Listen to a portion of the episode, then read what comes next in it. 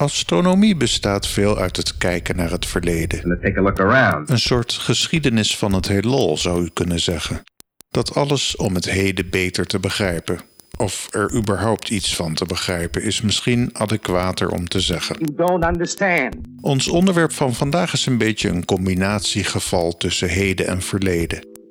Om ons begrip van de astronomische wetenschap een kans van slagen te geven, zullen we vandaag eerst wat termen duidelijk proberen te krijgen. Anders gaan we met de ontdekking waar we het vandaag over zullen hebben, te stijl omhoog met onze kennis en is deze aflevering van de Zimmerman en Space podcast uitsluitend geschikt om lekker bij in slaap te vallen. Waar natuurlijk ook niks mis mee is, maar ik streef er altijd naar de zaken begrijpelijk te maken. Ik moet het gewoon een keer goed gaan luisteren dus. Als we in ons dagelijks leven over metaal praten, dan denken we aan ijzer, staal, koper, nikkel, zilver, goud, van dat soort dingen. Met een beetje goede wil kunnen we wel bepalen of onze nieuwe waterkoker van plastic of metaal is.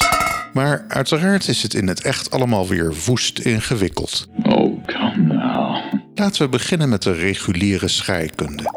Dan pakken we het periodiek systeem der elementen er weer even bij.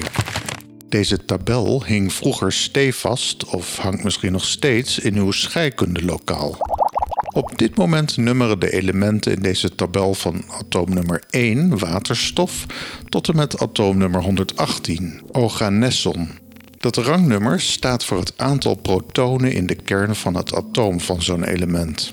In een elektrisch neutraal atoom vinden we even zoveel elektronen als protonen. Ja, dat is logisch. Een elektrisch neutraal waterstofatoom heeft dus één proton waar één elektron omheen bestaat. Het aantal neutronen in de kern van atomen kan verschillen en dat noemen we isotopen. Voor het gemak rekenen we die verschillende isotopen tot hetzelfde atoom. Zolang het aantal protonen in de kern maar hetzelfde blijft, blijken de eigenschappen van die verschillende isotopen ook redelijk overeen te komen. In de natuur vinden we bepaalde elementen heel veel en sommige bijna nooit. I can't find a single clue. Oh, but you will, Carl, you will. Well, I haven't. Hetzelfde geldt voor isotopen. Neem bijvoorbeeld waterstof. In die waterstofkern kunnen 0 tot en met 6 neutronen aangetroffen worden. Dat zijn allemaal isotopen van waterstof. Alleen de isotopen met 0 of 1 neutron in de kern, respectievelijk protium en deuterium genoemd, zijn stabiel.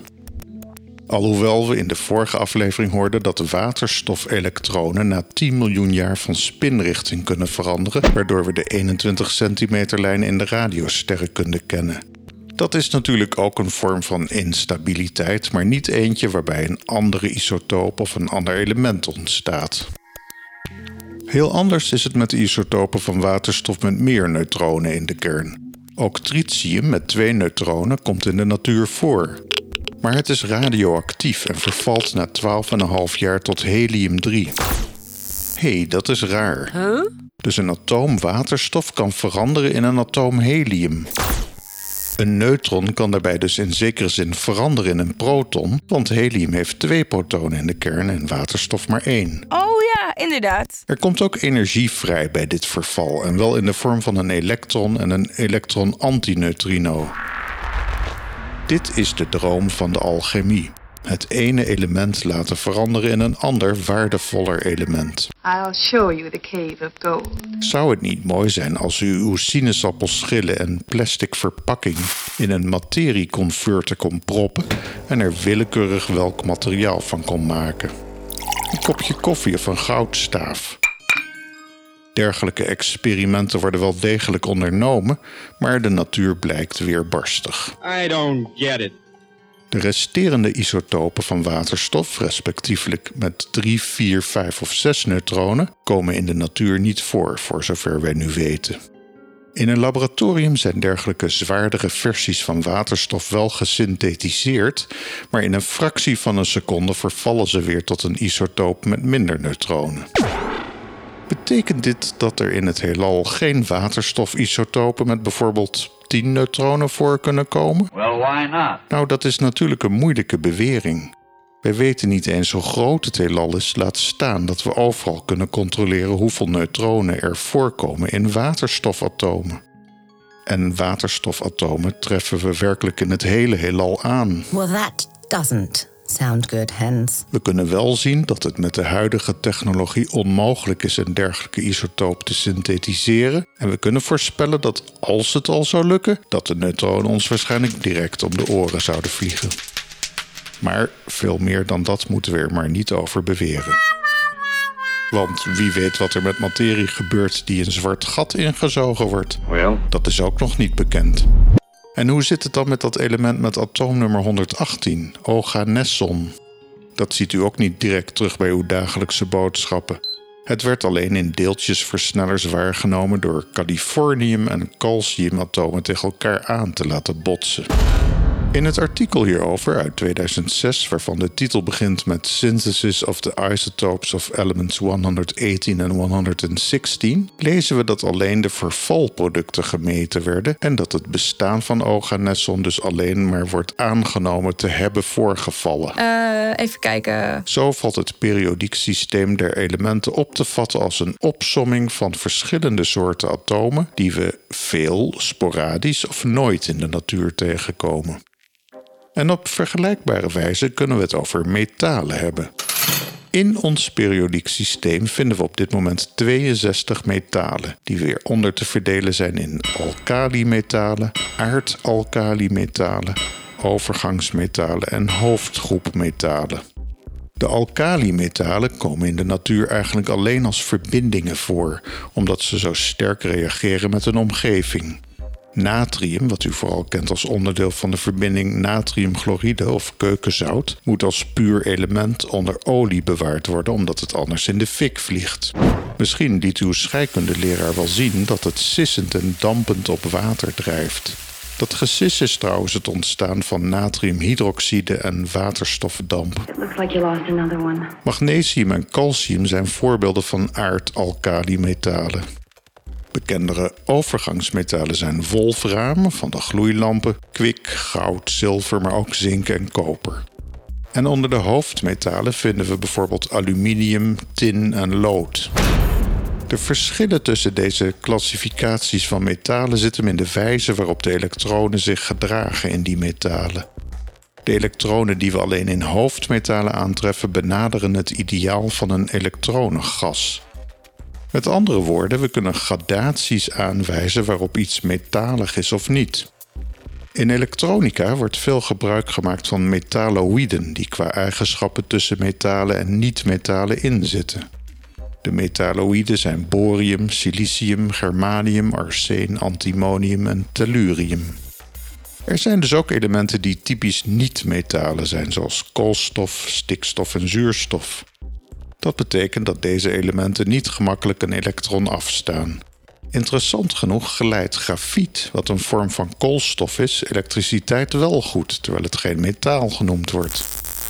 Er zijn ook elementen zoals francium met atoomnummer 87, waarvan men niet goed weet of het echt wel een metaal of niet is. I don't know. Francium wordt wel tot de alkalimetalen gerekend, maar er is gewoon te weinig van voorhanden om er heel veel zinnigs over te zeggen. Net als de andere alkalimetalen reageert francium buitengewoon goed met de omgeving, dus dan treffen we het alleen in verbindingen aan. En dan nog in hele kleine hoeveelheden. Toen het heelal ooit ontstond en protonen in het wilde weg rond begonnen te zweven, had praktisch alles atoomnummer 1, waterstof. Astronomen gaan ervan uit dat ook vandaag de dag zo'n 90% van het heelal bestaat uit waterstof. Sterren zijn kernfusiereactoren waarbinnen waterstof wordt omgezet naar helium. Daarmee is helium het tweede meest voorkomende element in het heelal. Heliumatomen kennen twee protonen in de kern en vinden we dus ook op positie 2 in dat periodiek systeem der elementen waar u zo van houdt. Even rustig aan. Met waterstof en helium samen hebt u al bijna 100% van het heelal te pakken, als we de donkere materie buiten beschouwing laten. Toch hebben we op aarde veel lol van al die andere elementen met hogere atoomnummers dan 1 waterstof of 2 helium. Verwarrend genoeg worden al deze elementen, dus elk atoom behalve waterstof of helium, in de astronomie aangeduid als metaal. Het is gewoon belachelijk. Deze definitie wijkt dus af van de gebruikelijke scheikundige definitie van metalen. Dit is absurd. Waar komen die elementen met hogere atoomnummers dan vandaan? He just said he was from very far away. Naarmate sterren ouder worden, raakt de hoeveelheid waterstof opgebruikt en kunnen andere scheikundige cycli ontstaan waar energie bij vrijkomt. Stervende sterren met een geringe massa kunnen zowaar koolstof en stikstof produceren door kernfusie. Dat zijn elementen met meer protonen in de kern. Zwaardere sterren kunnen hun leven beëindigen in een supernova-explosie, waarbij ook weer nieuwe elementen ontstaan, zoals natrium en kalium. Witte dwergsterren die exploderen vormen weer andere elementen, zoals titanium, vanadium, chroom, etc. En bij het samengaan van neutronensterren zien we ook weer nieuwe elementen de ruimte in geslingerd worden. Zoals dat merkwaardige francium, maar ook edelgassen als xenon en radon. Dit was een heel erg kort door de bocht versie van nucleosynthese en sterevolutie. Dankjewel. Maar we kunnen er een grote accolade achter zetten en iets opmerkelijks constateren. En dat is dat naarmate de tijd verstrijkt het heelal verrijkt wordt met zwaardere elementen. Deze constatering werd al gedaan door de astronoom Walter Bade in 1944. Hij deelde de waargenomen sterren in in populatie 1 en populatie 2 sterren. De populatie 1 sterren zijn dan metaalrijk en populatie 2 sterren metaalarm. Inmiddels, sinds 1978, onderscheiden we ook nog een derde soort sterren. De populatie 3 sterren, ook wel bekend als XMP, wat staat voor Extreme Metal Poor. Buitengewoon metaalarm. Ja, schiet nou maar op. Deze laatste groep, de populatie 3 sterren, zien we als we heel diep het heelal instaren en dus heel ver in het verleden kijken. Populatie 3 sterren zijn de grondleggers van de metalen in het heelal, want hier is het waar de prille waterstof-heliumsterren voor het eerst uit elkaar knalden in supernova-explosies. Hoe merkwaardig is het dan niet Of eigenlijk juist wel. als we een groep sterren in onze nabijheid aantreffen die duidelijk tot deze populatie 3 horen. Op een afstand van slechts 22 miljoen lichtjaar verwijderd van de aarde vinden we het dwergsterrenstelsel HIPAS J113131. Ook wel eens aangeduid met PGC 5060432. Ben jij zo'n nerd, Hans? Het bevindt zich vanuit ons gezien in het sterrenbeeld Hydra, de waterslang. De exacte locatie van HIPAS J113131